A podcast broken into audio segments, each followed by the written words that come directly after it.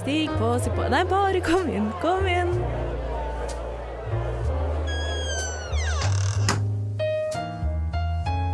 Her i lobbyen er det plass til alle sammen. Velkommen til lobbyen på Radio Nova. Hei og velkommen til lobbyen. Jeg heter Melinda, og i dag så skal vi snakke om halloween. Fordi det var i går. I dag er det 1. november, eh, men for å snakke om halloween har jeg fått med meg to stykker. Iselin, du har vært her før. Hei til deg. Hei, hei. Men du, Mathea, du har maset om å få være med. Ja, Og endelig sitter du her. endelig. Velkommen. Takk, takk. Ingenting er som å imitere seg selv. Ah, det er den beste. Det er den beste formen. Hvem er du? Eh, jeg er Mathea. Det, jeg hater når folk sier det. Jeg er. Jeg heter Mathea Moncler. Eh, alder ukjent. Opplevd alder 24. Ja. Eh, Ikke-binær. Den eneste termen jeg liker å bli identifisert som, er lesbe. Hva, hva mer er jeg? Eller sånn, Det er ikke så mye mer å si. Det er tydeligvis heks, har jeg funnet ut i dag. Ja, Så det passer. Ja. Du er kjent for mange fra annet Hverdagsskeiv. Jeg er ikke så kjent, men jeg på en måte Fra- kjenner, folk kjenner til meg, tror jeg. Ja, ja, er ikke det samme? Jo. Kjent fra lesbemiljøet i Oslo. Eh, fra Hverdagsskeiv, fra Institusjonen, som er en tidligere podkast, nå i Horoskopet, en annen podkast. Ja. Er det noe mer du driver med? Nei, jeg leser tarotkort. Ja. Eh, og så studerer jeg psykologi. Ja.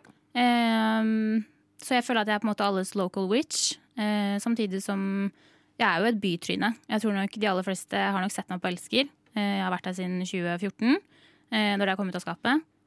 Eh, eller så, altså det, er ikke så mye, det er litt vanskelig å snakke om seg selv, fordi det er ikke så mye gøy å si. For jeg er jo en veldig, eh, veldig vanlig person med veldig stort eksponeringsbehov. Eh, derav mas om å komme inn i podkasten her. Eh, for jeg savner litt å drive med lesbepodkast, eller skeiv podkast, da. Ja. Så, Ja, men da trenger vi ikke snakke mer om deg akkurat nå. Iselin, hvem er du? Ja, det er Iselin Masternes. Bjørgsdatter Masternes òg. Som er litt artig siden jeg identifiserer meg som ikke-binær. Så jeg har problem hva jeg skal gjøre med det mellomnavnet. Bjørgsbarn. Bjørgsperson. Bjørgshen. Bjørgsbarn. Bjørgsbarn.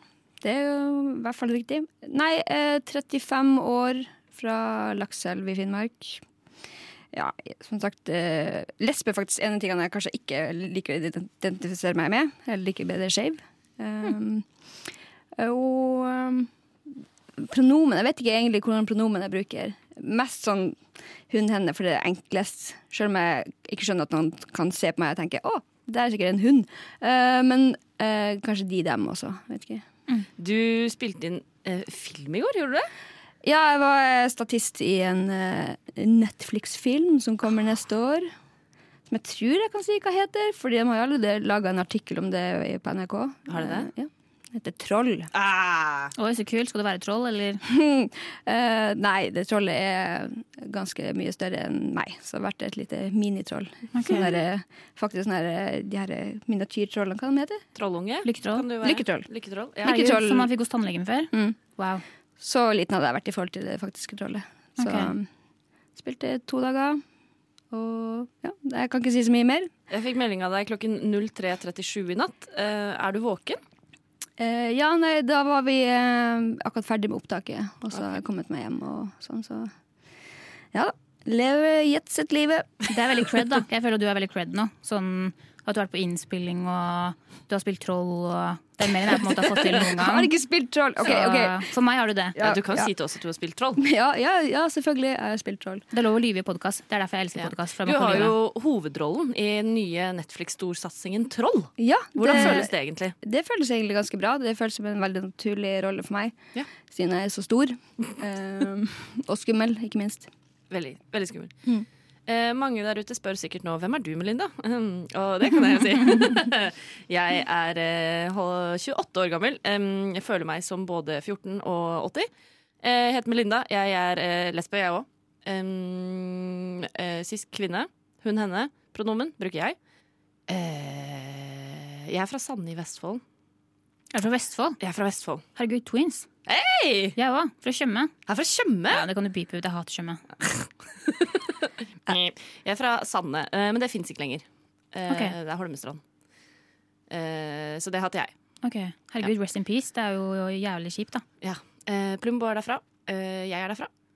Jeg hadde brevvenn fra Sande i Vestfold. RIP. Rip. ikke til Brevennen, men til Sanne i Vestfold. Eh, nei, dere, i dag så skal vi snakke om halloween. Jeg elsker halloween, jeg elsker høsten, jeg elsker alt som er eh, skummelt og rart og litt på utsiden av det vanlige. Hva er deres forhold til halloween? Altså, jeg liker jo egentlig å kle meg ut og sånn, hvis det er en ordentlig sånn Alle skal kle seg ut. Um, men eh, det, det, eh, det har gått galt et par ganger òg. Der jeg har uh, kledd meg ut der ingen andre har kledd seg ut, nesten. Det, det er jo ikke så gøy. Men uh, når alle har kledd seg ut, så liker jeg å kle meg ut. Det vil jeg si at Da vant jo du, på en måte. Ja. Ja, man skulle jo tro det, for at jeg var på en sånn her eh, bad taste party-greie i, i Hemsedal. For jeg bodde i Hemsedal og vært stuepike. Ja. Det er sant. Det er det sjukeste jeg har hørt. Du vokser så sykt i mine øyne. Først har du spilt troll, og så har du vært stuepike. Det er sjukt. I Ja. Hemsedal. Ja, ja, ja. Du har ikke vært au pair i Paris, liksom. Oh, Du har vært stuepike i Hemsedal. Det er mye eh, kulere, det. Ja. Nei, og da var det sånn bad taste party, og jeg gikk altså all in. Det var en tid jeg liksom jeg var opptatt av at jeg ikke skulle ha hår på kroppen, men da hadde jeg liksom spart ut hår på beina og under armene og alt sånn. Så gikk jeg i øh, noen Timberland-sko med noen stygge ullsokker, og så bare en oransje shorts, en gul sånn eh, hadde noen røde Findus-hansker, sånne frysehansker, og en sånn hvit, ganske svær morgenkåpe. Og så hadde jeg til og med tatt eh, sånn smør og salt i håret, så det var fett og jævlig. Og så kommer man dit, og så er det ingen som har kledd seg ut. Noe Men er det egentlig lov, helt ærlig, hvis man blir invitert på temafest, er det egentlig lov å på en måte komme inn på festen om man ikke deltar på tema? Det skjønner jeg ikke. Det er jævlig provoserende. Ja, nei, jeg vet ikke. Folk hadde liksom Å, en sånn stygg eh, skjorte, liksom. Bare sånn, den var ikke stygg. Den var kjempefin på deg. Så gå og legg deg. Nei, så det var litt jævlig å stå i, da. Så, men jeg var der ganske lenge før jeg bare dro hjem. Vet du hva, Jeg har lyst til å snakke mer om det etterpå, faktisk, med kostymer. Og hvorfor, er så, hvorfor tør ikke folk å kle seg ut, egentlig? Jeg vet ikke. Mathea, du har allerede sagt du er heks. Kjenner Ja. du en ekstra tilknytning til halloween og det mørke og skumle? Nei, absolutt ikke. Eh, Halloween for meg blir jo mest brukt for å kjefte på folk. Eh, fordi at veldig mange kler seg ut eh, med, altså, i ting de ikke skal. Det kan vi også snakke om litt etterpå. Ja, Du skal få kjeft så mye du vil Eh, etterpå. og jeg har, det er derfor jeg kommer, for jeg gleder meg utrolig mye til det. Men mitt forhold til eh, halloween har nok avtatt litt med årene. Eh, jeg var jo en cosplay-kid by heart eh, som aldri har deltatt på cosplay. Eh, så det er jo en liksom? slags eh, sorg som jeg har måttet prosessert måte, fra barndommen. At jeg fikk aldri lov til å begynne teater. Jeg fikk aldri lov å begynne med cosplay. Eh, som var en veldig stor drøm. Så jeg gjorde det alene. Så jeg var eh, vampyr ofte hjemme. Um, så jeg, for, for meg så var halloween mer en livsstil enn en dag. Ja, Men Så um, visste de andre hjemme at du var vampyr? Eh, Eller gjorde du skjul? For jeg, jeg kan kjenne meg igjen i det. Jeg var så veldig sur for at jeg ikke fikk begynne med teater. Men jeg hadde jo også utrolig mye angst og dårlig selvtillit, så jeg turte jo aldri å si at jeg ville begynne med teater heller. Ja. Så jeg var bare sur for at de ikke leste mine tanker og fikk meg til å begynne på teater. Men jeg også da kunne liksom snike meg rundt i huset og være vampyr, men de andre visste jo ikke det. det som er problemet og på en måte løsningen med meg, er at jeg har veldig lite skam. Ja, Så jeg var eh, vampyr. Det var min livsstil. Det måtte folk respektere. Så i albumet til mormor så er det eh, Hun hadde skrevet under et bilde halloween, og så skrev jeg mormor, du ser at det er her på sommeren. Så det her er ikke halloween. Det er rett og slett bare meg som liker eh, å gå med kappe og tenner og Jeg har faktisk tatovert tenner. Sånn litt som et slags minne. ja. Eh, så. Så det var sånn klassisk vampyr. Det var ikke sånn der Buffy the Vampire. Oh, oi. wow. En gang til. OK, yes. Det gikk kjempefint, det. Det er ikke stressa i det hele tatt. det. OK! Vil du prøve igjen, eller skal jeg ta det for deg? Nei, jeg skal klare Det det. okay. Okay. OK. Så, så det var liksom mer som vanlig vampyr. Det var ikke sånn Buffy the Vampire Slayer-type sånn kul, liksom. Hadde det på en måte vært noe kult, så hadde jeg jo kanskje ikke blitt mobba. Eh, og det er ikke meningen å på en måte slenge det begrepet rundt, men det ble jeg. Og det velger jeg å eie ved å snakke om det med humor. Eh, jeg, var en, jeg var et spesielt barn eh, på veldig mange måter. Så um, Men altså, det står jeg godt i. Jeg er glad for det. Det har gjort meg til den jeg er eh, i dag. Og em, jeg var ikke kul. Jeg, synes, jeg er fortsatt ikke kul, på en måte. men jeg tror kanskje at eh, man Jeg tror man blir kul når man eh, driter litt i om man er det eller ikke. Enig. Du er Så- kul i min verden. Ja, jeg skal ikke si det. Jeg er helt synes du- Jeg syns det selv. Å, nei, jeg syns ikke sjøl det er kul. Jo da, egentlig. Hvis jeg Veldig, tenker meg om ett Jeg sekund sa jo til. det var løgn. ja, veldig ydmyk. Ydmyk og snill. Og da vet de som hører på, vet nå hvem det er som sitter her og skal snakke om halloween. Um, jeg er veldig glad for at dere skal snakke om halloween med meg. Jeg liker halloween. Uh, selve dagen ikke så viktig, men sesongen, halloween-sesongen Jeg føler den begynner i september og slutter eh, sånn halvveis ut i november, når det er mørkt og stille og verden dør litt på utsiden. Det, det liker jeg. Ja. Det var veldig dystert, måte. Jeg, jeg føler jo at eh, halloween-sesongen for meg begynner jo når eh, eh, Starbucks begynner å selge pumpkin spice latte. Ja. Eh, som er PCL-season. Eh, det var bare en tilleggsinformasjon som jeg ønsket å komme med. Ja, jeg den. spiste gresskar-wrap i dag. Ja, bra. Nice. Nordmenn er engasjert ungdom og livserfarne gamle.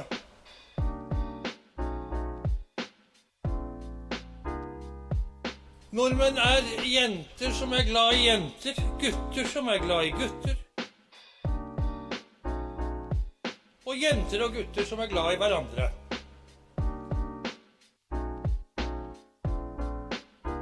Velkommen til lobbyen på Radio Nova.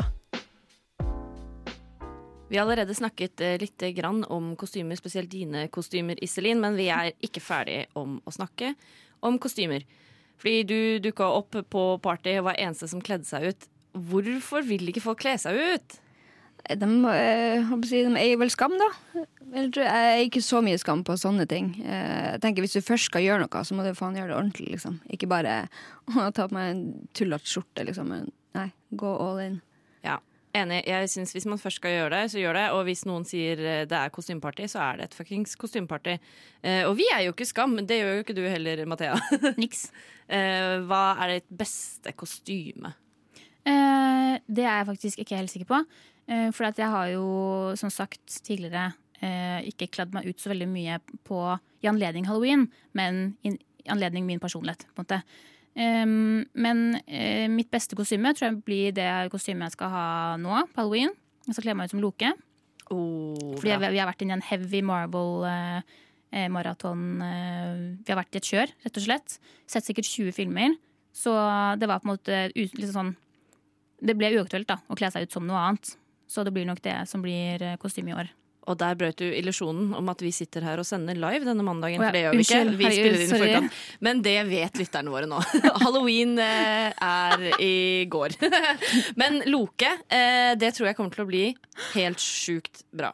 Ja, jeg tror det. Jeg håper det. Jeg skal um, ha mye voks i håret og uh, Men selv om du ikke kler deg ut så mye, så har du veldig mye tanker rundt kostymer. Ja. Take it away.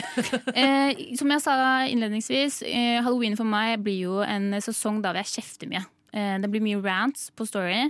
Jeg pleier å legge ut i god tid et bilde der hvor jeg skriver eh, 'husk å ikke bruke andres kultur som kostyme'. Eh, får alltid mye reaksjoner på det, spesielt fra liksom tidligere kollegaer som jeg har jobbet med. Altså mannlige hvite cis-kollegaer. Veldig viktig å presisere. Som eh, da reagerer kraftig på at jeg uttaler meg egentlig generelt. Men da spesielt når de føler seg litt krenka selv, da, fordi de har gjerne brukt eh, urbefolkning, eh, drakt osv. Eh, og det er ikke greit. Uansett om man har brukt mye penger på et kostyme. Det driter jeg i, for å si det sånn. Eller for å si det mildt. Um, vi kan ikke plukke eh, fra hellige drakter eller drakter til marginaliserte grupper eller altså minoriteter generelt. da. Det kan vi ikke gjøre. Eh, og det vil jeg egentlig ha meg frabedt. Og jeg føler at det er viktig at eh, det blir innafor å calle ut folk fortløpende. Altså sånn, Vi kan ikke tenke sånn å nei, shit, jeg tør ikke, det blir dårlig stemning. Jo, men det skal du. Det er, vi må bruke stemmen vår, og vi er nødt til å um, lese oss litt opp. Altså Jeg er veldig lei av at folk sier sånn 'Å, men jeg visste ikke det'. Bare sånn, ja, men du kunne lest. Informasjon er gratis på Google. Så ja, jeg vet ikke hva deres tanker er om akkurat dette. Nei, altså Det er jo eh, litt sånn grenseland-ting der òg. For selvfølgelig hvis eh, jeg som samisk, hvis noen kommer inn på en sånn fest og så har de tatt på seg en tullete eh, kofte, Mm. så blir man litt sint. Men eh, hvis noen kommer i helt vanlige klær og sier 'i dag er jeg same', kledd meg ut som same, så kan jeg ikke klare å bli så veldig sint av den grunn, liksom.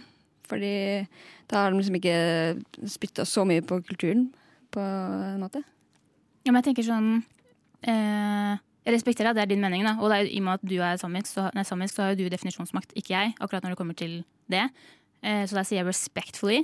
Um, jeg er ikke helt uh, enig der, fordi at om ikke du er samisk, så har du heller ikke rett til å claime at liksom, ja, nå har jeg kledd meg ut som en same, da. Hvis du skjønner hva jeg mener. Sånn Akkurat som at hvis, noen, hvis jeg hadde vært på et streit vors og noen hadde sagt sånn Å, det er jo kostymeparty. Eh, Jeg har kledd meg ut som en lesbe i dag. Så hadde det blitt sånn, ok, hvorfor det? Hvorfor føler du at min eh, livsstil og mitt liv er på en måte et kostyme du kan ta på deg for gøy? Bare sånn ha-ha.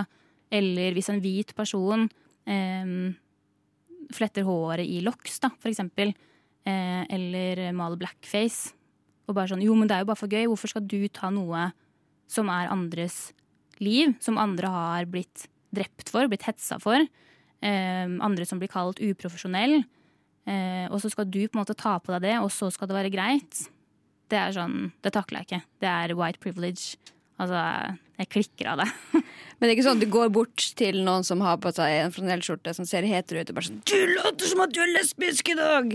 Å ja, nei, nei, Nei. Det er ikke gal i hodet. Eh, Nei, Eller bare jo, er, differensiere. Ja. nei, nei. Flanellskjorta er for alle. Ja, ja ja, men jeg bare tenkte sånn eller er det? Nei, det er tull. Nei, det blir mer sånn hvis folk har et problem med Hvis folk hadde liksom sagt sånn Ja, jeg har, jeg har kledd meg ut som lesbe i dag. Eh, men andre ting, da, når du ser cultural appropriation Jeg kan ikke si det på norsk ennå, akkurat lært meg, lært meg å si ordet på engelsk.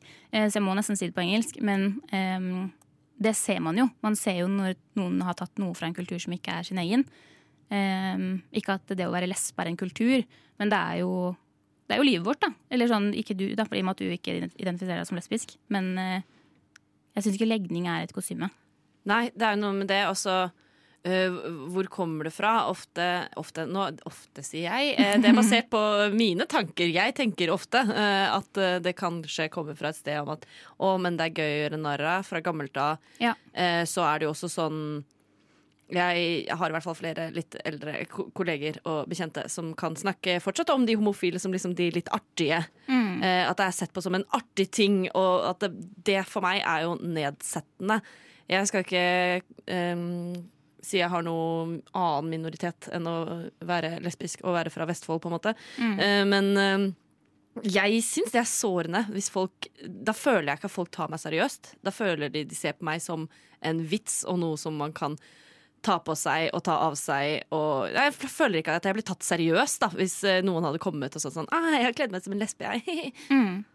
Og det er kanskje litt det jeg også føler at eh, hvite folk da, Nå høres ut som jeg hater hvite folk, det gjør jeg ikke, men jeg hater, hater white privilege. Ja. Um, og det er kanskje det jeg føler spesielt sånn eh, i alle debatter som er på um, TV, liksom, TV og i forhold til eh, Nei, med tanke på serier og sånn, hvor det er humorinnslag, hvor det er blackface, for eksempel. Da, hvor hvite menn sitter og diskuterer bare sånn Jo, men selvfølgelig skal det være greit, fordi at vi tuller jo med svensker. Men det er ikke det samme. For at historisk sett så har blackface blitt brukt for å gjøre narr. Eh, og først og fremst også fordi at ikke svarte folk fikk lov til å delta i noe som helst. Så de måtte ha hvite folk som spilte svarte folk. Um, så ja, dette er noe som er liksom veldig betyr veldig mye for meg. da og, Eller ikke hva heter det. Altså, det er noe jeg engasjerer meg veldig mye for. Eller sånn, Nå mista jeg språk plutselig. Hvordan sier Det er din, din hjertesak. Ja, det er en av hjertesakene mine. Det er det. Et år så kledde jeg meg ut som regel, fordi jeg hørte en komiker hadde sånn her eh, sånn her, eh, Ja, regel. Det er sånn karnevalkostyme, det. For når det er på karneval, så kler du deg ut som regel.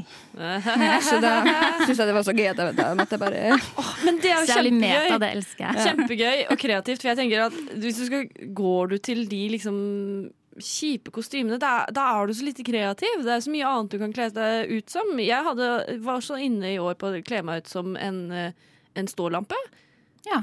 Hvorfor ikke, liksom? Ja. Du kan kle deg ut som hva som helst. Hvorfor skal du ta noen andres eh, liksom, personlighet, eller hva skal man si? Hvorfor skal du ta på deg noen andre for å kle deg ut når det ikke egentlig er et kostyme? Ja, det kan, kan komme med forslag da Hvis noen sitter hjemme med urbefolkningskostymet sitt nå og tenker sånn, hva faen skal jeg kle meg ut som? Ja. Et forslag 31-bussen.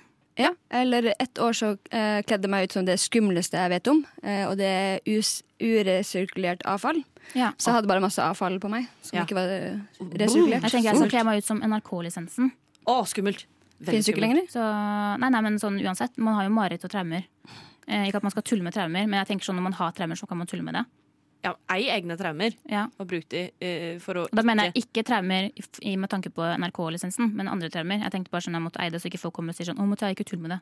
sånn, kle deg ut som største mobberen din på barneskolen. Ja, det kan jeg gjøre.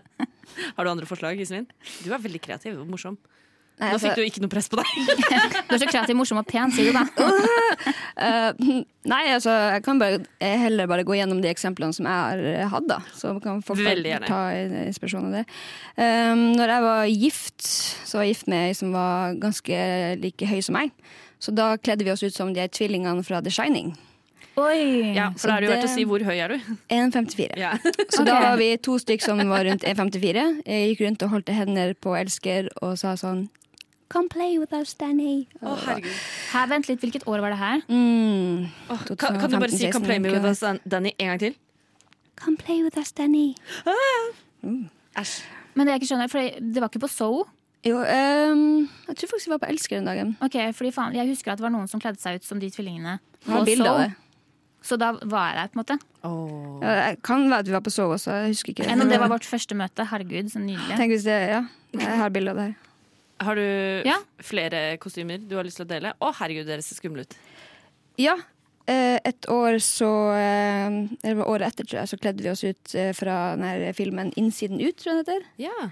Og da kledde jeg meg ut som Anger. Åh. Og da hadde jeg liksom den laga en sånn maske Oi, såpass, av ja. den der eh, Ja, ikke sant. Her ser jeg Det der hadde ikke jeg kjent igjen var deg. For Nei, det, er Det var litt jo, vanskelig å komme inn på byen med bare en sånn der eh, Anger-maske på. Ja, for der har du på en måte Du har en hvit skjorte og slips og dressbukse, og så har du også dekt til hele fjeset med en svær rød maske med et veldig sint ansiktsuttrykk. Men har du laget det selv? Ja. Herregud, så utrolig flink du er. Takk. Altså, det var bare å printe ut bilder fra eh, Google, og så bare Ja, jeg er sykt imponert uansett. Altså sånn, wow. Takk. Ja. Og så gikk jo da, eh, da ekskona min eh, som eh, Sadness. Ja, så jeg var kledd ut som Anger, og da ekskona min kledd ut som Sadness. Så hun var jo blå i hele ansiktet. Ja. Og så skulle vi dra på McDonald's etter vi har vært på byen, og så plutselig var hun borte. Og så kom det en fyr ned, for jeg var jo ja, i Nedre Slottsgate, eller hvor det er, og det er to etasjer, og så kom han ned, og så sa han eh, There's a sad lady on the, in the bathroom. Og bare Oh, oh, oh, was she blue? Uh, no, no, she was like a big black lady. Bare, OK, OK, then it's not uh, my wife. Never okay. mind. Never mind. oh, ja, men du, jeg, jeg støtter alle dine kostymer. Du er, jeg er veldig imponert. Ja. Så hadde jeg ett år og tenkte skal jeg bare gå rett og slett for sexy? Så da hadde jeg en sexy policewoman-uniform. Det Ja, det, det har jeg ikke gjort igjen. Det er helt perfekt. Jeg elsker jo det. Jeg elsker jo at eh, folk som har en indre slut, som ikke vil eller tør å slippe fri til vanlig, kan få lov til å bruke halloween til å slippe seg selv fri. Åh, ja, men jeg vil ikke at halloween skal være sexy. Jo, selvfølgelig skal halloween være sexy. Nei, det skal være skummelt. Nei, men det kan være begge Åh, deler. herregud. Det der Ja, jeg da- er så glad for at du mener motsatt av meg. Ja. Fordi jeg kan Du kan være begge deler, men da skal du gjøre det skummelt. ja, men greit. jeg blir, sånn, jeg blir så syk sånn når folk er sånn her, Å, folk skal må slutte å Jeg skjønner på videregående da folk skulle ha sånn pimp and hoe-party. Det er Ja. Feministen meg tenker sånn no way.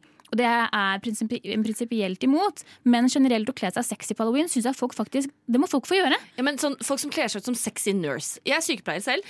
Er det noe som er veldig lite sexy, så er det å jobbe som sykepleier. Hei, jeg dater en sykepleier. jeg, jeg er en sykepleier. Søsteren min er en sykepleier. Hun Har du Jeg sett oss en på gang en jobb? sykepleier. Ja, kult. Har du sett oss på jobb? Det er ikke Eh, sexy. Det kostymet er ikke sexy. Det er jo. en kjempestor pysj. Ja, men jeg, jeg har en screenshot for at jeg syns hun var så pen på det bildet. Ja, så. det er lov, men noen kommer da på party i sånn derre Her har jeg en hvit bh og truse på meg, jeg er en sykepleier. Det er sånn Nei, du er ikke en sykepleier. Dette er ikke en sykepleier. Men kanskje de kan, eh, vi heller kan anbefale folk å ikke på en måte ta uniformer da, og gjøre de sexy. Ja. For at det kanskje kan vise altså Det er jo også litt med tanke på Hvis man tenker eh, feministisk eh, perspektiv, så burde man jo ikke eh, seksualisere eh, kostymer som på en måte åpenbart er kvinnelige. da Ja, det er også enig. Eh, så det trenger vi kanskje ikke gjøre. Så kanskje bare kle deg i noe du føler deg sexy, og bli sånn ja, i år er jeg sexy. Du trenger ikke være sexy nurse, du trenger ikke være sexy politiperson, men du kan være sexy deg selv. Da kan jeg støtte det. Fordi, men, sånn, jeg hadde en roomie, hun kledde seg ut som en sexy eh, beach. Eh, Som i sexy Ja. bitch, men så var hun en sexy beach. Um, Det er gøy. Ja, ikke sant? Og da kunne hun kle seg ut sexy, men så kunne hun også da ha, liksom, ha masse sand på seg. Uh, og, så var hun også en strand, ikke sant? Mm. Og, og da gjør du et konsept ut av det. Men hvis det er sånn folk som tar for eksempel sånn sexy Harry Potter og sånn, så er det sånn Ja, men han ser jo ut som en ting! ikke gjør det sexy, det er unødvendig. Jeg tenker sånn, eh, Folk kan jo bli litt mer eh, Det er jo lov å bruke fantasien litt. Jeg syns jo mange kostymer blir sånn Det har vi på en måte sett siden 2009. Vi trenger ikke en gang til å se f.eks. Sexy djevel, da. Hvis det er respectfully, hvis det er lov å si. Det lov å si. Eh, så det for eksempel, jeg går tilbake til tipset jeg sa i sted. 31-bussen. Ta sexy 31-bussen. Mye papp, da, som man må lage. Ikke nødvendigvis. Du kan for eksempel være i bh og truse, eller ditt foretrukne undertøy. Male deg rød. Ta bilder eh, Nei, ta male mm, på vinduer. Og skriv 31. Da er du 31-bussen. Jeg tror hjernen min er en sånn skala hvor liksom det begynner på bånn. Det er sånn, nei, det er ikke greit å være sexy, men så går humorskalaen. Og så når de plutselig møtes, da tenker jeg da er sexy greit. Fordi da okay, er det ja. morsomt nok. Ja, det kan jeg være enig i. Men det er sånn der, eh, hvorfor har man tenkt at man bare skal være sexy? Og sånn, Nå er bare sexy uten at man har noen sånn skumle elementer. For du kan være begge deler! Ja, det er, det, er liksom, det, det jeg synes er rart. Jeg har ikke noe imot egentlig at folk er sexy, men det skal også være halloween. Liksom. Det skal være et eller annet som er litt sånn utenom et vanlig utkledningsparty. Liksom. Det er det jeg mener. Ja, jeg tenker liksom sånn um, Jeg liker jo litt at folk ikke tar uh, halloween så veldig seriøst. Jeg tenker at Det kan være en litt sånn gøy greie i og med at vi allerede har uh, stjålet det for å tjene penger eh, på folk. liksom. Så tenker jeg at da kan det være gøy å kle seg ut som det man vil. Jeg syns jo først og fremst halloween skal være skummelt. Men, og jeg har egentlig aldri hatt noe veldig behov for å eh, seksualisere meg selv eller andre. Og jeg har ikke noe behov for egentlig å være sexy. Sånn i kostyme, i hvert fall. Sånn eh, Ja. Men eh, jeg vet jeg tenker at det må være opp til hver enkelt, altså. Og det fins en mellomting, sånn som du sier. Heller gøy og sexy enn bare liksom sexy. Men om du bare vil være sexy, er det helt ok. Å, herregud, det er deilig å være litt uenig. Ja, eh, ja, nei, jeg. det er godt. Oh, det, var, det var godt å få litt eh, utløp av det. Og jeg bare synes, Vi er egentlig enige. Hvis det er kostymegreier, kostymegreie, gå all in, i hvert fall. Eh, Gjør noe ut av det. Og så tør å kle deg ut, og tør Mm. å give a fuck. Men ikke give a fuck i det som er viktig. Ikke vær slem og kjip. I år så skal jeg kle meg ut som det skumleste jeg vet om, og det er homolobbyen. En ting jeg lurer på med pride. Hva er greia? Alle disse homofile homser som ikke har på seg bukse, som ikke har på seg T-skjorte, Lobbyen bare ei lita truse. på Radio Nova. Hvorfor har de ikke på seg noe klær? Forstår ikke greia med pride. Du forstår ikke greia med pride. Da har vi fått ropt fra oss med kostymer. Eh, Nå skal vi snakke litt mer om intuisjon og spiritualisme, som også passer veldig fint i denne sesongen. Og så er vi jo så heldige å ha eh, Mathea som eh, du, du liker jo å lefle litt med disse tingene. Yes. You're a local witch, som jeg sa innledningsvis. Jeg, jeg har også lyst til å være en local witch. Du kan være det. Kan jeg det òg? Ja, ja. Selv om vi bor i samme local eh, district area. Ja, jeg prøver å verve. Jeg driver jo litt sånn på en måte med pyramidspill. Eh, bare uten den økonomiske gevinsten slash tapet. Eh, så jeg prøver å få flest mulig til å bli heks. Ja. Jeg har startet min egen Wicca-klubb. Eh, det høres ut som dette er tull, det er sant. Jeg har fått vervet fem venner, Er det sant? og jeg har jo syv venner, så jeg vil jo si at det er en god prosent. Kan jeg være med? Du kan være med. Jeg er med i Vika Norge på Facebook. men- Det er faktisk ikke jeg. Jeg Ikke? visste ikke at det fantes. Det. Jeg liker å gjøre min egen ting, så Men fordi eh, en heks nå er ikke det en heks var eller er i eh, den populærkulturen, føler jeg. Eh, spiritualisme og heksekunst i disse dager er mer knytta til dette med natur, gjerne sånn krystaller og intuisjon. Hva, hva legger du i at du er en uh, witch? Ja, altså jeg tuller veldig mye med det. Jeg vil ikke at folk som ikke kjenner til meg i det hele tatt skal tenke sånn Oi, Mathea, tror hun at hun er en heks? Det er jo litt rart. Eh, for meg så er mer Dette er en livsstil. Det blir jo ikke noe bedre enn jeg snakker om det, det hører jeg jo. Eh, Ja, jeg vil høre mer. Ja. Um, for meg så har Eller det jeg tror, da, er at vi har alle um, evne i oss. Jeg tror ikke at jeg er spesiell eller unik på noen som helst måte. Men jeg tror bare at jeg har valgt å connecte med my inner self og naturen. Og intuisjonen min. Og jeg tror, jeg tror vi alle har det. Jeg tror bare at noen faller kanskje litt mer naturlig. Akkurat som noen har anlegg for å bli god i sport. Eh, det kan ikke jeg. Eh, jeg har ikke noe ballkontroll generelt. Dobbel betydning. Eh, og nei, jeg har rett og slett tatt eh, valget om å komme i kontakt med meg selv og være spirituell. Og, sånn, og så begynte jeg også med tarot i 2017. Og det har vært en veldig sånn eh, reise for min del. Jeg har lært mye om meg selv og lært å komme bedre, eller skjønne intuisjonen min bedre. Fordi vi alle, altså alle kjenner jo igjen den der, eller i hvert fall føler jeg, da, at de aller fleste kan jo kjenne seg inn i det at du får en magefølelse på ting. At du blir sånn OK, men det her føles rart. Og det tror jeg eh, folk flest hadde hatt nytte av å komme litt bedre i kontakt med.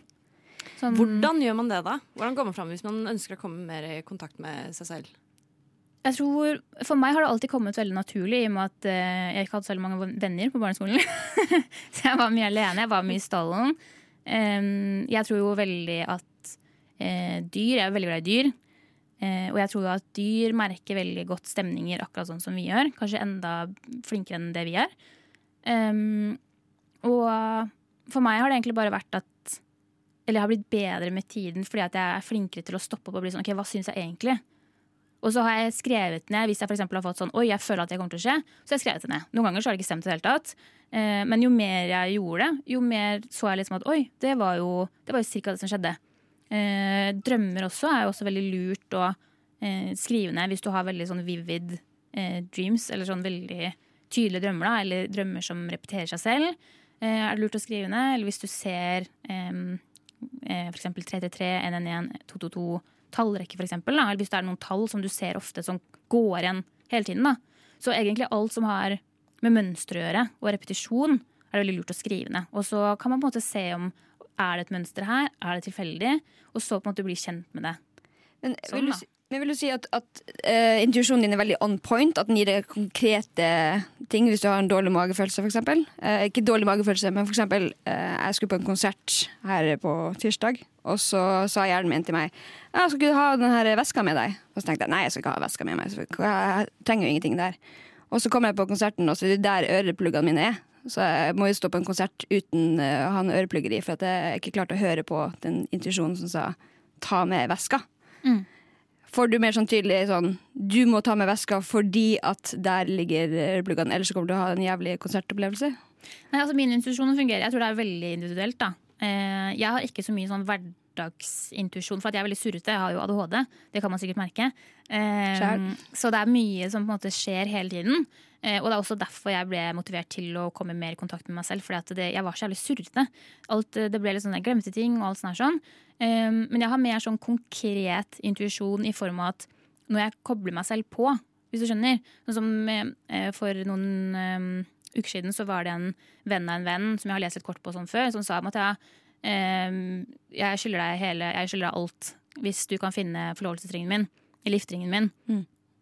Eh, og så ble jeg sånn, Det har jeg egentlig ikke gjort så mye før, men jeg tenkte sånn, det er gøy. Det kan jeg prøve. Det er en test. Jeg tar jo alt som trening, for jeg vil jo bli bedre. For man blir aldri utlært. Eh, og så bare kobler jeg meg på, som jeg kaller det, for jeg har ikke noe annet ord. Men jeg på en måte tenker sånn, ok, men hvor er den?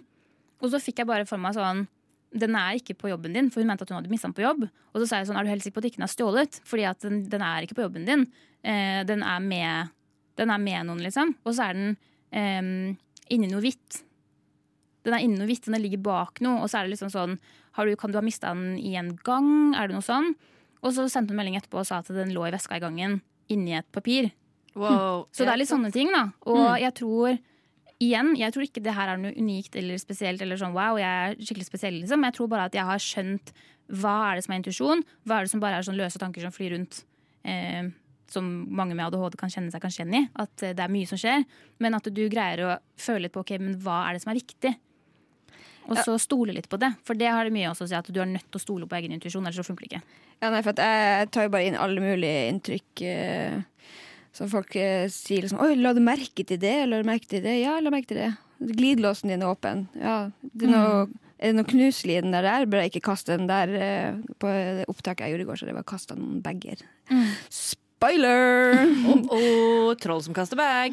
ja, det, det er bare å glede seg. Det er Oscar. Men Iselin, du har jo også sett uh, på Instagram blant annet, at det kanskje er noen teorier om at uh, personer med ADHD også kan ha en større liksom, kjennskap til sin egen intuisjon, eller ha en bedre intuisjon. Ja, men det tror jeg var akkurat det vi snakka om, at uh, vi tar inn liksom alt hele tida. eh, Og klarer ikke å sortere det. Eh, Og den som klarer å kanskje sortere det, sånn som kanskje Mathea klarer bedre, får kanskje da mer eh, en uh, intuisjon på andre ting òg, liksom. Jeg er jo bare, bare kaos og Jeg synes det er veldig interessant akkurat det der, fordi det er sånne ting jeg kan på en måte Alt som skjer face to face, føler jeg at man kan til en viss grad forklare med at ok, man er god på å lese kroppsspråk, man er god til å kjenne en mønster, man er god til å kjenne igjen Kanskje leser andre via seg selv, på en måte. Da. At du kjenner igjen ok, det der gjør jeg også, så da at du kan resonnere deg frem til sånn sett. Det jeg syns er litt uforklarlig, da, er eksempel i sted, da det var en jente som skrev til meg på Instagram Eh, kan du lese meg etterpå? For jeg har, to spørsmål. Og så skrev hun spørsmålene. Jeg kjenner henne ikke, jeg har aldri møtt henne, jeg vet ikke noen ting om henne.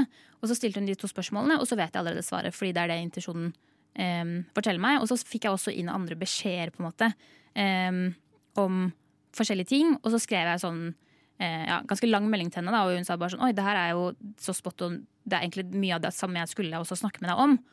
Sånne ting skjønner jeg ikke, fordi det er ingen logisk forklaring for meg. Og jeg er veldig opptatt av at ting skal ha en naturlig forklaring. Fordi jeg tror ikke det spirituelle og eh, det paranormale nødvendigvis er så eh, magisk eller sjukt. Jeg tror rett og slett at mennesker ikke er det optimale instrumentet for å fange opp alt som skjer i verden. Jeg tror at Sånn som at Hvis vi ikke hadde hatt øyne, så hadde ikke vi visst hva farger er. Mm. Men fordi at vi har øyne, så vet vi at farger er helt naturlig. Jeg tror bare at vi mangler kanskje et instrument da, som eh, former andre ting. Kanskje at historien ligger lagevis og egentlig er rundt oss hele tiden. Det er så mye vi ikke vet. Og jeg tror at noen kanskje er flinkere til å plukke opp sånne ting. Så jeg tror egentlig ikke det er noe sjukt. Jeg tror bare at det er helt naturlig, men at vi ikke eh, vet ennå. Hvis det gir mening? Ja, absolutt. Jeg, jeg har absolutt lyst til å lære meg mer av det sjøl også. Jeg føler jeg er dårligere, men i hvert fall på min egen del. Sånn, lommeboka mi har vært borte i nå i hvert fall en måned. Hvis du får noe inntrykk av hvor den er, eh, rop ut, for jeg klarer ikke å finne den.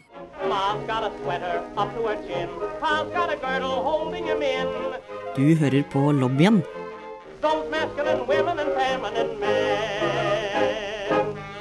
på Radio Nova.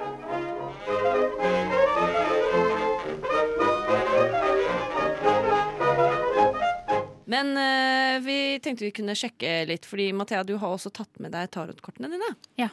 Uh, og tenkte om du kanskje hadde lyst til å lese oss litt. Ja. Nå har vi ganske blanda energi, i og med at vi sitter alle tre her og gjør noe sammen. Vi samarbeider jo. Ja. Uh, og da er det vanskeligere å lese konkret Altså finne ut hva som er deg, og hva som er deg. Bare så dere er klar over det. Men jeg har i hvert fall kobla meg på deg nå, så jeg kan jo se, trekke tre kort og se hva kortene sier. Ehm, da tar jeg tre kort på oh, Det hoppa ut tiden fremover. Og noe av det kan også gjelde for tiden nå. Eh, Det jeg kjenner når jeg leser folk, er at jeg kobler meg på en måte på energien din. Og det høres veldig sånn ah, shit. Det høres ut som jeg tror jeg er lillebindris. Det tror jeg ikke. Det høres litt koselig ut, Um, syns jeg. Ja, det er veldig koselig. For veldig mange opplever de det som veldig sterkt når jeg leser de. Det er veldig mange som selv om de har veldig sånn eh, veldig sterk og veldig sånn eh, på en måte eh, Personer som egentlig er veldig balanserte, da, kan ofte begynne å gråte når jeg leser dem, for det er akkurat som man åpner en slags portal. Eh, men jeg vet ikke om du har slitt mye med angst og sånn. For det eneste jeg kjenner sånn litt allerede nå, er bare at jeg har veldig sånn følelse i brystet. Sånn knytt. Og så vet jeg ikke om du har noe sånn eh, om hvordan han har forhold til moren din. Folk eh, i lobbyen liker å kødde med at jeg har mye mommy issues. eh, Ok. Fordi jeg er veldig glad i milks. okay. Men jeg håper ikke det har noe med mamma å gjøre. Nei, jeg vet ikke. Men det er bare i hvert fall tydelig Du har high priestess, så det er tydelig at det er liksom en um, En eh, morsfigur, eller en kvinne i livet ditt, da, som betyr mye for deg, og som du vektlegger veldig Hvis hun har en mening om ting, at det er veldig sånn Da Altså, det betyr mye for deg, da.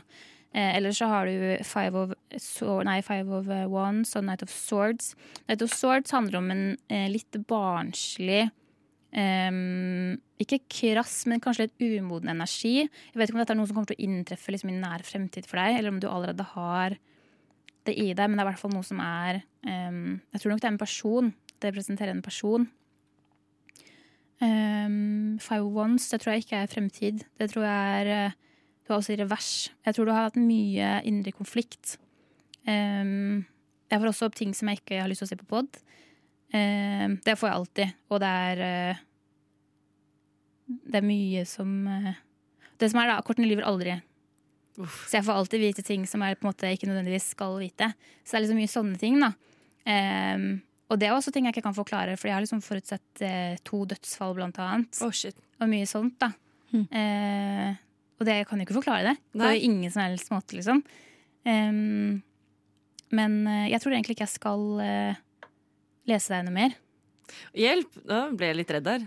Nei, det er ikke noe farlig. Men sånn Men hvordan er det for deg å vite alle de tingene her, da?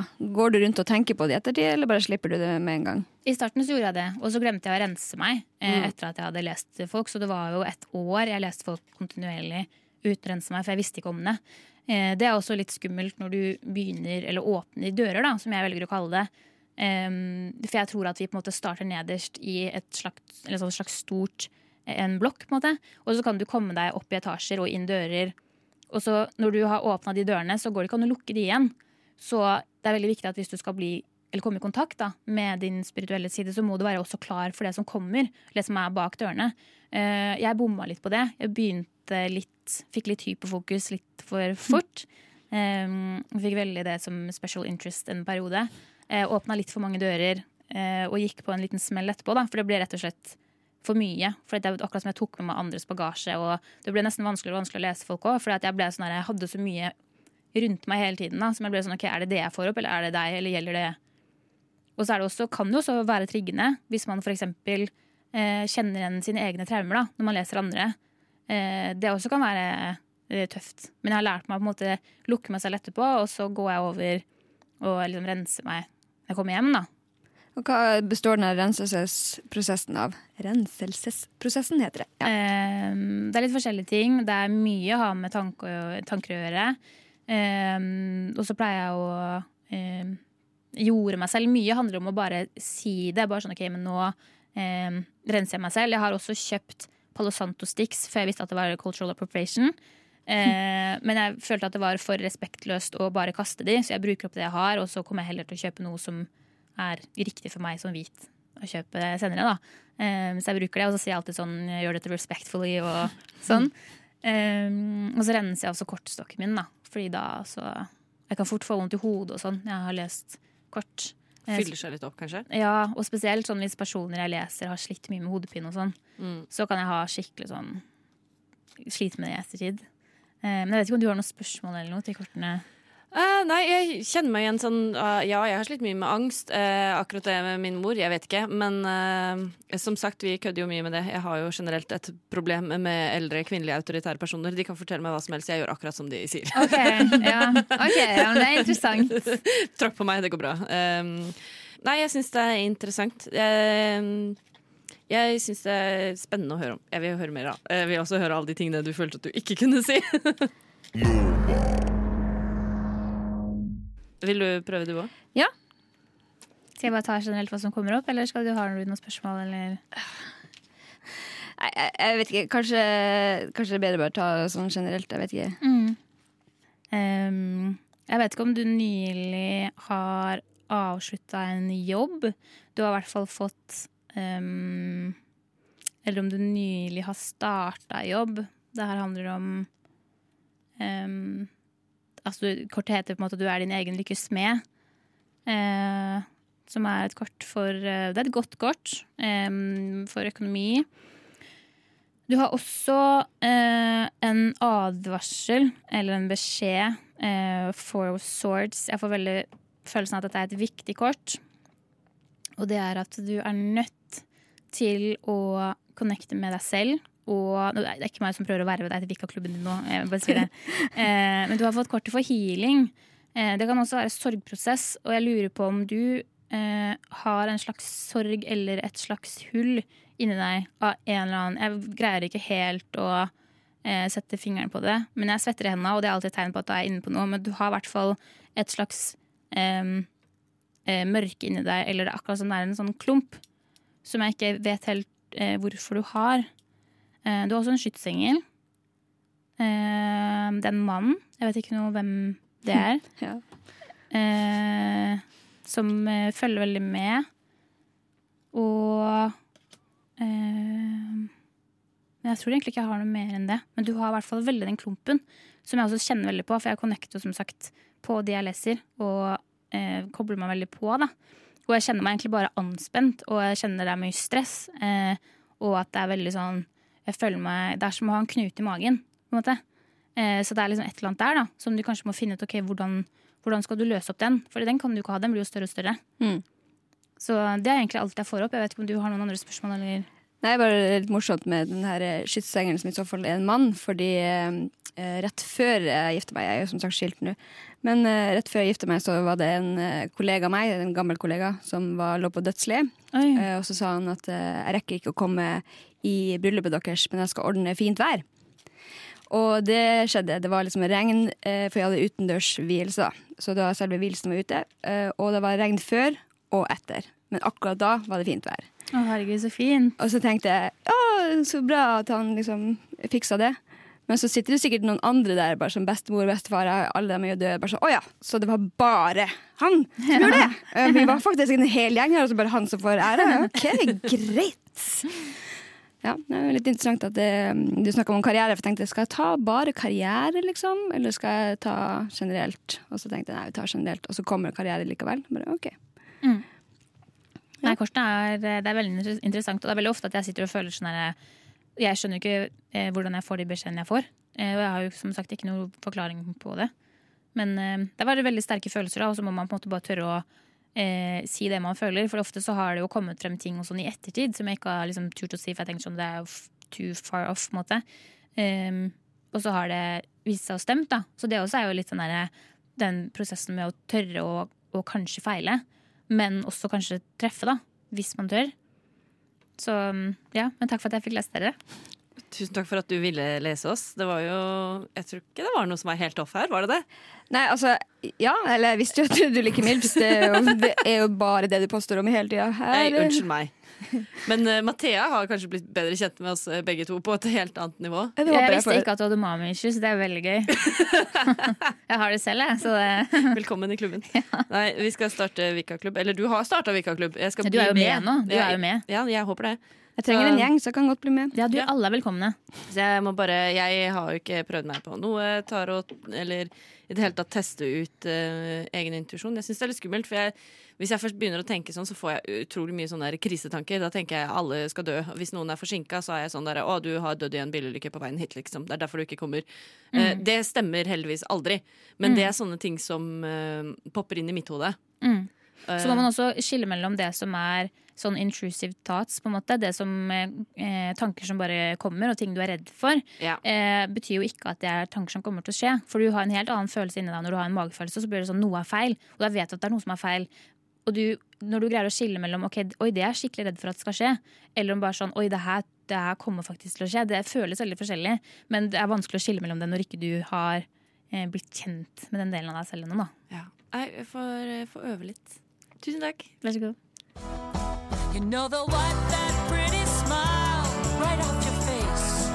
Du hører på lobbyen You better watch out for the strays. på Radio Nova.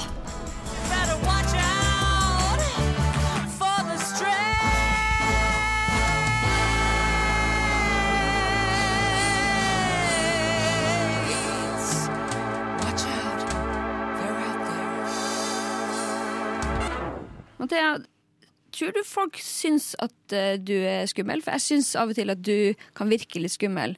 Og tror du i så fall det er fordi at du kan lese folk og kanskje avsløre deres indre hemmeligheter? Mener du det? Ja, ja. Å, Herregud, nå ble jeg så, åh, nå ble jeg sånn kry, eller hva det heter. Så, oi, shit, tror folk det? Eh, det håper jeg ikke. Eh, det tror jeg egentlig ikke heller, fordi den eh, spirituelle delen av meg er så liten del av min personlighet. Selv om det virker jo veldig som om det er alt jeg driver med. Eh, jeg er ikke eh, wicca på, på heltid, på måte. Eller sånn Det er ikke livet mitt, da. Men jeg tror eh, jeg, jeg, Som sagt, jeg håper ikke at folk syns at jeg er skummel. Fordi jeg tror Jeg vet at ansiktet mitt ser litt surt ut for at jeg har veldig resting bitch face. Eh, for at jeg er litt slapp i ansiktet. Og jeg glemmer ofte å ha med meg ansiktet når jeg prater. Jeg kan være glad, og så glemmer jeg å ta med ansiktet. Mm. Um, for at jeg konsentrerer meg så mye om å høre på hva andre personer sier. Da. Um, nei, men jeg tror ikke Men syns, hvordan syns du jeg virker skummel? Det er jo bare liksom det inntrykket jeg har eh, når jeg har sett deg gå rundt. Og hvis jeg ser det på Hverdagsskjev, så er det bare sånn, det er bare sånn skummel energi. Det er kanskje bare en intuisjon. At det bare er et eller annet som jeg bare tenker «Ho, eh, Dem der er ikke helt vanlige, eller? Eh, Så det vet jeg ikke. Og det vet jeg ikke. Jeg har aldri, aldri tenkt på tenkt at det er en mulighet. Jeg vet at folk, Det er mange som tror at jeg er bitch. Eh, For at ikke jeg går rundt og smiler. eh, Og hvis de kjenner meg igjen fra Hverdagsskjau, f.eks. Og jeg vet jo ikke hvem som ser på Hverdagsskjau, eller hvem som har vært på podkastene mine. Eller sånn. jeg vet, og jeg er ansiktsblind, og det gjør jo på en måte ikke ting lettere. Det spiller ikke på lag med meg. da. Eh, Det spiller meg ikke god. Så jeg kan fort glemme at jeg har hilst på folk. Fordi at jeg kjenner nesten ikke meg selv igjen på bilder. Jeg er helt ansiktsblind, liksom. Mm. Som er veldig vanlig for folk med ADHD. Så hvis du ser meg og du føler at vi har hilst på hverandre før, eller hvis du tenker bare sånn, ja, men vi kjenner egentlig hverandre, og jeg ikke hilser, så er det ikke fordi jeg er bitch eller overlegen, det er bare fordi jeg vet ikke hvem du er. Jeg Ja. kjenner ikke igjen folk. Så Jeg har litt mer sånn omvendt at uh, jeg tror ikke folk husker meg. Så jeg er litt mer sånn der uh, Jeg venter på at de skal kjenne meg igjen. Og, ja. Man går jo eh, ikke rundt og tenker sånn alle vet hvem jeg er. I hvert fall jeg gjør ikke det. Nei, jeg, gjør i hvert fall ikke det. Jeg syns det er interessant at du nevner det, for jeg, jeg sånn Jeg syns ikke du er skummel, men mer en sånn ærefrykt, på en måte. Hæ? For, ja, virkelig! Fordi når jeg følger deg gjennom med som, det at du tør å stå i, i kamper, at du har så mange hjertesaker som du leser opp og brenner for, og driver med et samfunnsansvar, da, og bruker dine white privileges til å gjøre godt i verden, det er, det er så beundringsverdig. Og sånn sett så blir jeg sånn ah, all hail to you, på en måte. Herregud, så hyggelig. Det var fint. Nei, men jeg tror Jeg håper jo litt at det jeg håper, da, og det som er motivasjonen min, som fortsetter å drive med For det er jo ikke bare kult eh, og lett å være engasjert. Men jeg føler som du sier det, jeg føler jo et ansvar. Og jeg føler at det må jo gå utover f.eks. helsa noen ganger. da. Jeg har jo, eh, Ofte så trigger det jo angstanfall for eksempel, hvis jeg er i kommentarfeltkrangler, som jeg ofte er med transfober og rasister. Og, og det er jo sånn, Men jeg greier liksom ikke å tenke sånn det kan jeg ikke gjøre fordi det går utover meg selv. Jeg blir sånn, Selvfølgelig skal jeg gjøre det. Fordi Hvis ikke jeg gjør det, hvem faen hvem andre er det som gjør det? da? Det er jo tydeligvis ingen andre i det kommentarfeltet som ser seg nødt til å gjøre det, og da må jeg gjøre det. Og jeg tror, eller det jeg håper skal skje når folk ser meg, at hvis jeg inspirerer én person da, til, eller motiverer én person til å tenke sånn Shit, jeg har også lyst til å eh, stå opp eh, mot urett. Og jeg er jo absolutt ikke den eneste som gjør det heller. Men eh, det er jo ikke så mange som eh, har kapasitet, for eksempel. Og det respekterer jeg jo veldig, og det skjønner jeg jo. Jeg har ikke alltid kapasitet, jeg heller. Men eh, jeg tror det er viktig, da. Og jeg, alle kan jo. Som sagt, jeg er ikke noe unik eller spesiell, men jeg gjør det selv om, og jeg er ikke spesielt tøff heller. Men jeg har valgt å bare eh, gjøre det likevel, for jeg syns det er viktigere enn meg selv, da. Ja, det, det, altså, Du sier du ikke er veldig tøff, men det er jo, man må jo være litt tøff for å stå i sånne ting. Og hvis det gjør at folk syns du fremstår som en bitch, så tenker jeg det er en type bitch jeg vil være. Eh, det er ikke så negativt å være en bitch hvis det, det at du er bitch er, er på en måte likestilt med at jeg tør å ta kampen på vegne av folk som ikke kan ta det selv. Ja, jeg at det, jeg, er jo en, jeg er jo en sensitiv bitch, 100% og det er jeg også. Jeg syns det er kjempefint at man er sensitiv. Jeg syns ikke det er noe en svakhet at man lett begynner å grine, for eksempel, da, eller at jeg blir jo veldig svett og skjelven etter at jeg har krangla med folk i kommentarfelt. Men jeg bare, jeg syns det er Jeg syns alle har et ansvar, og jeg syns folk er nødt til å bli flinkere til å ta det ansvaret. Og jeg skjønner at folk kan oppleve meg som litt krass eller streng eller kanskje litt partypooper. Når jeg tar folk på ting på vors, for eksempel. Eh, for det kan vel alle de som gjør sånne ting, kanskje kjenne seg litt igjen i. For at folk vil jo Det er veldig rart med det. Folk er veldig opptatt av at det er utrolig fælt å bli kalt rasist. Eh, og det på en måte styrer litt den debatten ofte. Det er bare sånn, Du kan jo ikke kalle meg rasist. Det er Det er sånn, sånn verre å bli kalt rasist Ja. enn at du er rasist. det er bare sånn, å, intensjonen min var ja, Men fuck intensjonen din, Ja. liksom. Se på resultatet. Det er så jævlig sånn Folk må ta seg selv ut av situasjonen, ta seg sammen eh, og uh, gjør mer. Du kan ikke bare gjøre ting som er viktig for akkurat deg. Du kan ikke bare kjempe homokampen som homofil. For vi kan ikke tenke sånn OK, men så lenge jeg har det bra, så trenger jeg ikke å kjempe for resten. Hva, hva faen skjer da, liksom? Hvor kommer vi da? Ja, men jeg tenker litt for min del så jeg har mye ting jeg har lyst til å engasjere meg i, men så vet jeg at jeg tar også veldig mye inn sånne energier og sånn, mm. og blir veldig sliten av det. Så bare, det er som sagt eh, ikke alltid man orker det. Nei, og så tenker jeg også Det er jo viktig å finne en balanse her, sånn så, fordi det er jo også veldig viktig som hvit person. Uansett om man er en del av en minoritet, altså i og med at jeg er skeiv og ikke-binær, så er jeg jo allerede en marginalisert, eh, marginalisert eh, gruppe. Men det er veldig viktig at jeg også ser at eh, det er ikke alle kamper som er mine å ta. Det er ikke alle kamper jeg skal uttale meg om at sånn og sånn er det, for det er ikke min oppgave. Min oppgave som hvit person er å løfte frem svarte stemmer, f.eks. Min oppgave i rullestol, eh, eller debatter som omhandler rullestoldebatter, f.eks., da er det min oppgave å løfte frem de stemmene. Fordi jeg skal jo ikke snakke for dem, for de har allerede en stemme. Men man må løfte de foran seg hele tiden. Uansett hvor liten eller stor plattformen din er, så må du skyve andre frem. Så, men ikke-binære kamper og lesbekamper, da kan jeg snakke så mye jeg vil. Men eh, ja. Jeg får slite litt med når jeg er ikke binær. Sånn, når jeg blir gammel, blir jeg en tante Sofie eller blir jeg en Narvestad? Eller blir det jeg skal i hvert fall lede noen borettslag, det er jeg ganske sikker på. at det, det, det, det blir det. Det ser jeg for meg for deg, faktisk. Det ligger i kortene for deg, rett og slett. Ah, nei, eh, jeg blir eh, inspirert til å jobbe med egen selvtillit også, og tørre å ta mer plass eh, og vite, fordi ofte så skjønner jeg Men ah, nå er det kanskje jeg som har rett her, men så tør jeg på en måte ikke ta plassen og si det til de som er kjipe. Eh, men det må jeg gjøre. Det er jo egentlig bare riktig at jeg gjør det. Og så tenker jeg også at Tenk heller det at eh, hvis du er litt usikker på om du har rett eh, eller galt måte. Jeg tenker at Vi må tenke at, det er alltid, at ting er nyansert. Det er ikke svart-hvitt. Og at det å bringe et nytt perspektiv eh, til bordet er veldig fint. Bortsett fra hvis du er en hvit cis-mann. Sorry, men de har hatt nok. Det verste jeg vet, er når hvite menn er sånn Vet du hva, jeg har så sykt eh, behov for å si det her sånn. Jeg skal bare være djevelens advokat et øyeblikk. Det er bare sånn, nei, det trenger vi ikke. Din stemme har blitt sett og hørt i alle år. Hold kjeft, sett deg ned. Eh, Kom tilbake om tusen år, liksom, når du har det ille ja, du kan ikke bare dø ut. Nei, nei, du trenger warning.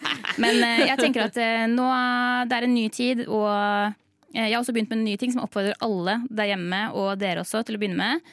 Eh, når du går på veien, eller går hvor som helst, egentlig, legg merke til at hvis du møter Hvis du går i direkte linje og du kommer til å treffe på en hvit mann hvis han kommer mot deg, han kommer ikke til å flytte seg. Han kommer til å vente til at du flytter deg.